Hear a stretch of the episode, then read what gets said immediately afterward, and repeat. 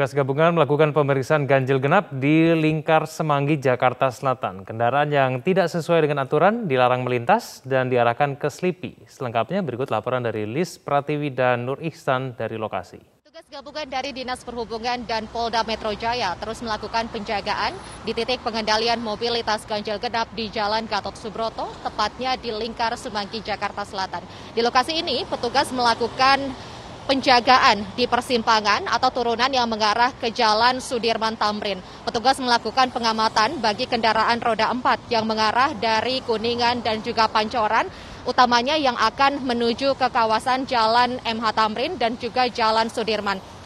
Pengendalian mobilitas ganjil genap ini hanya diperuntukkan bagi kendaraan roda 4, sementara untuk kendaraan roda 2 ini masih diizinkan melintas, namun untuk di lokasi kami melaporkan, tepatnya di Lingkar Semanggi, memang ini dilarang untuk kendaraan roda 2 melintas di kawasan ini, sehingga pengendalian mobilitas ini hanya dilakukan penjagaan bagi kendaraan roda 4. Sejak pagi tadi kami memantau masih ada sejumlah kendaraan yang tidak sesuai dengan aturan, yakni menggunakan plat nomor ganjil di hari bertanggal genap pada saat ini. Petugas pun melakukan pengarahan dengan meminta kendaraan tersebut untuk tidak melintas dan menuju ke kawasan Selipi atau mengarah lurus tidak berbelok ke arah Jalan Sudirman yang ada di belakang kami ini. Kemudian juga posko penyekatan atau pengendalian mobilitas ganjil genap ini memang diperlakukan sejak tanggal 12 hingga 16 Agustus.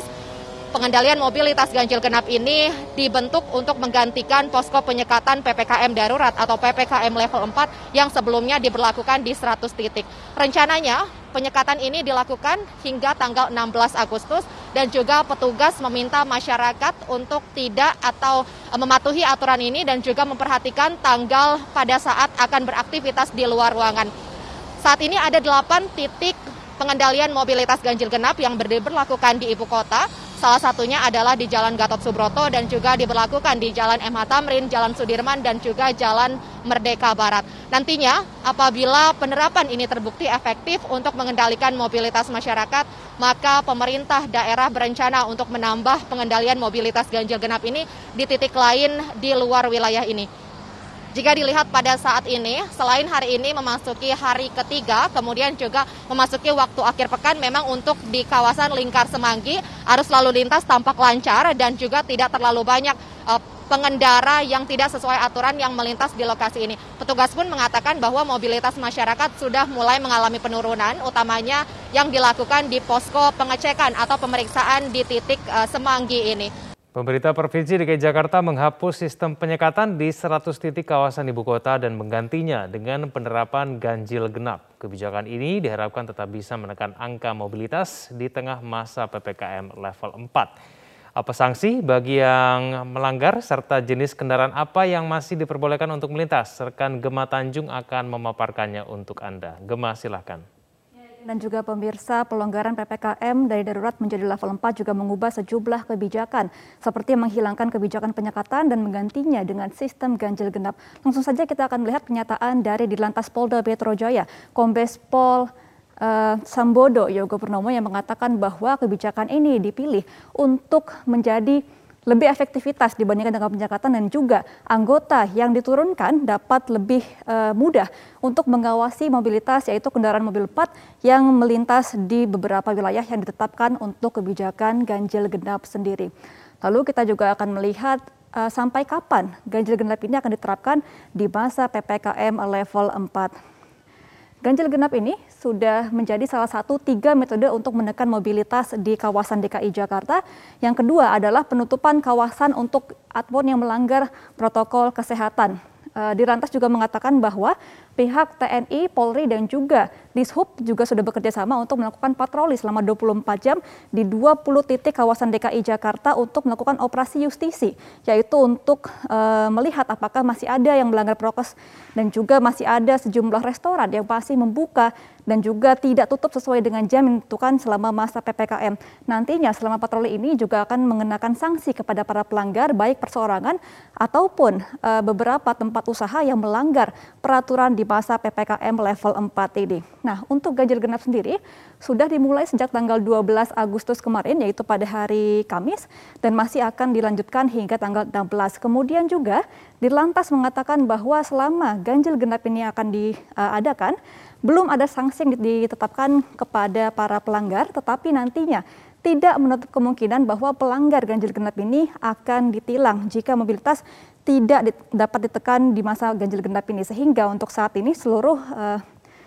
pengendara yang masih tidak mengikuti aturan maka akan dihimbau ataupun disuruh untuk putar balik dan tidak dapat melintasi uh, area ganjil genap. Nah, kemudian ganjil genap ini seperti yang tadi sudah kami sampaikan bahwa akan diterapkan pada tanggal 12 Agustus hingga 16 Agustus 2021 dan pertimbangan untuk dilanjutkan lagi akan menunggu keputusan dari pemerintah pusat apakah PPKM ini masih akan tetap dilanjutkan. Kemudian juga untuk ganjil genap ini akan berlaku sejak pukul 6 pagi hingga pukul 8 malam waktu Indonesia Barat.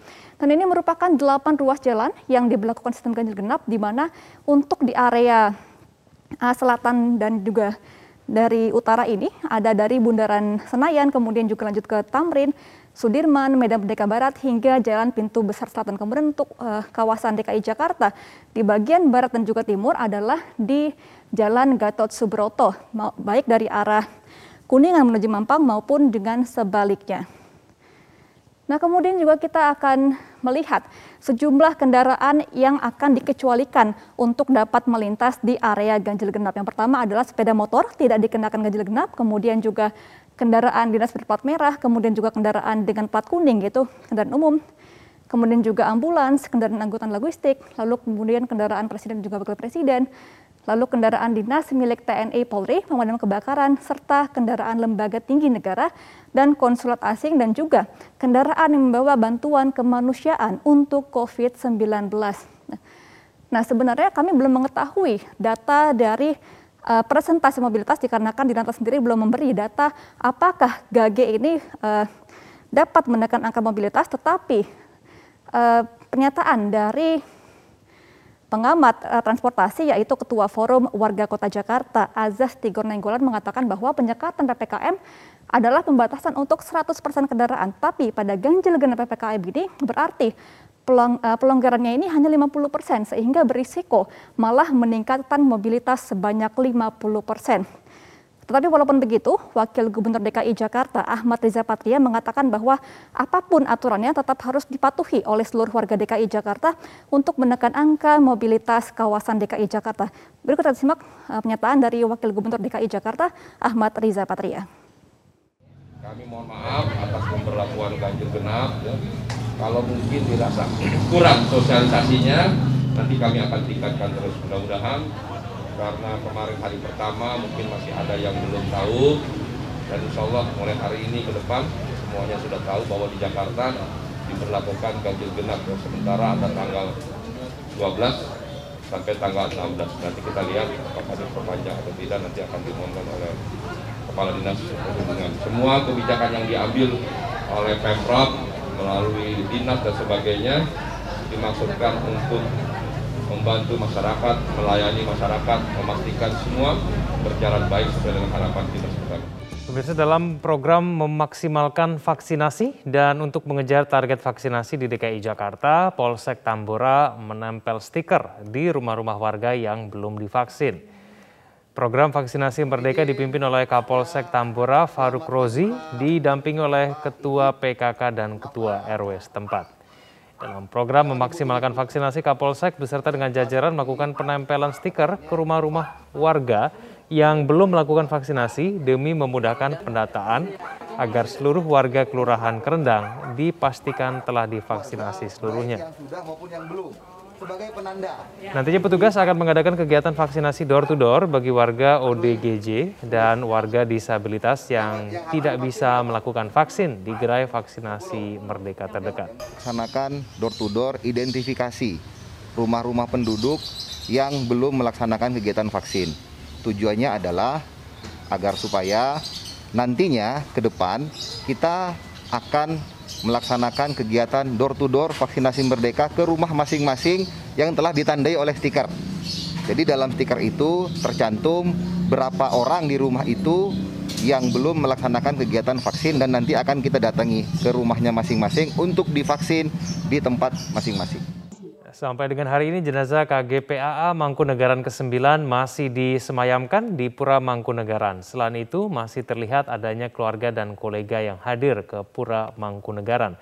Informasi selengkapnya akan disampaikan oleh Naufal Nurosa langsung dari Surakarta, Jawa Tengah. Naufal, apa alasan keluarga almarhum untuk menyemayamkan almarhum sampai hari ini? Memang ada sejumlah alasan yang mendasari kenapa proses pemakaman dari jenazah Kanjeng Gusti Pangeran Adipati Aryo Mangkunegoro ke-9 ini baru diselenggarakan pada hari Minggu esok. Yang pertama adalah terkait dengan alasan ini adalah menjadi sudah uh, kesepakatan dari pihak keluarga melalui rapat internal dan seluruh pihak keluarga sudah menyepakati bahwa untuk pemakaman dari jenazah baru akan dilaksanakan pada esok hari. Dan kesepakatan ini juga didasari oleh alasan lain seperti halnya untuk memberikan waktu bagi para keluarga, kerabat dan juga kolega dari jenazah maupun dari keluarga yang ditinggalkan untuk bisa melayat ke Puro Mangkunegaran ini dan sekaligus untuk memberikan uh, doa dan juga menyolatkan jenazah di Puro Mangkunegaran ini. Dan memang Egan kami melihat pada hari ini cukup banyak tamu yang hadir dan melayat ke Puro Mangkunegaran ini dan kami tadi juga melihat ada anggota dari DPR fraksi Partai Nasdem yaitu Eva Yuliana yang juga tadi baru saja uh, masuk ke dalam dan tadi sudah uh, kembali melanjutkan aktivitasnya. Sementara itu untuk Eh, kesepakatan lainnya atau untuk alasan lainnya adalah juga terkait dengan adat dan juga tradisi di Mataram ataupun di Jawa karena dari adat tradisi Mataram Jawa ini memang pada hari Sabtu disebut-sebut bukanlah hari yang baik atau menjadi hari pantangan untuk melakukan kegiatan-kegiatan yang berkaitan dengan kedukaan seperti pemakaman dan juga ziarah. Ini juga menjadi satu alasan kuat kenapa pihak keluarga almarhum ini baru melaksanakan prosesi pemakaman pada hari Minggu esok. Ya, Nova, lalu bagaimana skema yang sudah disusun untuk prosesi pemakaman esok?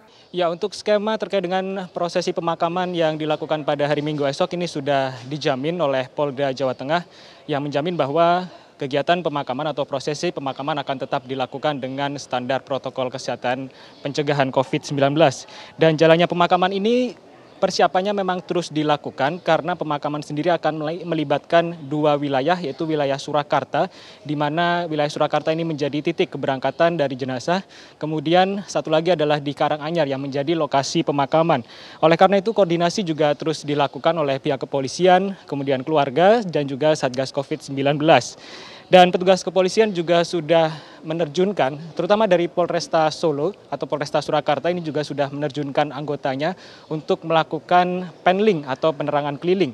Penerangan keliling ini artinya adalah akan ada anggota yang bertugas untuk mensosialisasikan terkait dengan prosesi pemakaman ini kepada masyarakat dan diharapkan dengan adanya sosialisasi dan imbauan ini maka masyarakat bisa memahami situasi yang terjadi dan juga bisa ikut uh, berperan aktif untuk menjaga protokol kesehatan terutama selama prosesi pemakaman berlangsung.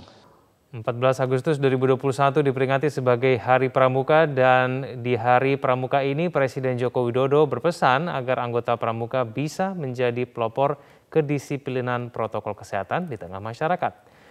Tahun ini merupakan tahun kedua peringatan Hari Pramuka di masa pandemi COVID-19. Pada upacara peringatan Hari Pramuka 2021 di Istana Bogor, Jawa Barat, Sabtu pagi, Presiden Joko Widodo menyampaikan terima kasih kepada seluruh anggota Pramuka Indonesia karena di masa pandemi COVID-19 bahu-membahu membantu sesama.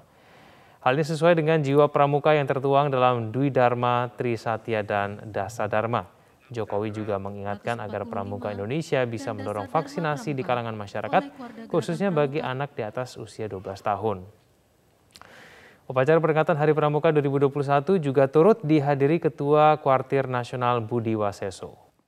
Nomor 103 tahun 2021, Pramuka Indonesia harus menjadi contoh, menjadi teladan, tangguh menghadapi setiap tantangan, menggalang kepedulian kepada sesama, bersedia berkorban, suka menolong, membantu, meringankan beban, keluarga, saudara, dan tetangga-tetangga kita. Pramuka Indonesia juga harus menjadi pelopor kedisiplinan, terutama disiplin dalam menjalankan protokol kesehatan. disiplin memakai masker, disiplin menjaga jarak, disiplin untuk mencuci tangan di setiap saat, dan disiplin untuk menghindari kerumunan. Pramuka Indonesia harus berada di barisan terdepan, melindungi diri, melindungi teman-teman, dan melindungi keluarga yang kita sayangi. Pemirsa, PT MRT Jakarta mewajibkan para penumpangnya untuk memiliki dan menunjukkan sertifikat atau surat vaksinasi minimal dosis pertama. PT MRT Jakarta membuat kebijakan dan pengumuman baru bagi seluruh para penumpangnya yang akan mendapatkan layanan MRT. Aturan baru ini adalah mewajibkan seluruh penumpangnya untuk menunjukkan surat atau sertifikat vaksinasi minimal dosis pertama. Kebijakan atau pengumuman baru yang dibentuk oleh PT MRT Jakarta ini adalah sebagai upaya untuk mendukung adanya surat keputusan dari Kepala Dinas Perhubungan nomor 321 tahun 2021. Beberapa aturan lainnya itu tersebut di antaranya memiliki beberapa pengecualian. Di antaranya penumpang yang masih dalam masa tenggang waktu tiga bulan pasca terkonfirmasi virus COVID-19 ini tidak perlu menunjukkan surat ataupun sertifikat vaksinasi asalkan memiliki surat ataupun hasil keterangan dari dokter dan rumah sakit terkait. Selain itu juga penumpang yang kontraindikasi dilakukan vaksinasi COVID-19 berdasarkan hasil pemeriksaan medis ataupun surat keterangan dokter. Dan jika para penumpang ini memiliki rentang usia di bawah 12 tahun tidak diwajibkan untuk menunjukkan surat ataupun sertifikat vaksin COVID-19. Untuk penunjukan ataupun kepemilikan surat vaksinasi dan juga sertifikat ini dapat diakses melalui aplikasi Peduli Lindungi yang dapat diinstal melalui gadget masing-masing perseorangan di mana nantinya Anda harus menginstal dan mengisi data diri sesuai dengan nomor induk KTP karena Aplikasi Peduli Lindungi ini langsung terintegrasi dengan KTP dari masing-masing pihak. Selain itu, Anda juga bisa mengakses melalui paspor digital yang ada di aplikasi Peduli Lindungi, mengisi nama dan juga nomor NIK sesuai KTP, dan Anda langsung mendapatkan dua keterangan sertifikat e-vaksinasi yang di mana vaksin dosis pertama dan juga vaksin dosis kedua yang ada di masing-masing handphone uh, para perseorangan tersebut. Untuk jam operasional daripada PT MRT sendiri ini memiliki perbedaan antara hari kerja dan juga hari biasa di mana jam operasional tersebut pada hari kerja pada pukul 6 pagi sampai dengan pukul 20.30 waktu Indonesia Barat dan pada akhir pekan operasional berjalan pada pukul 6 pagi sampai dengan pukul 8 malam namun sesuai dengan protokol kesehatan yang wajib dipatuhi oleh seluruh para penumpang PT MRT.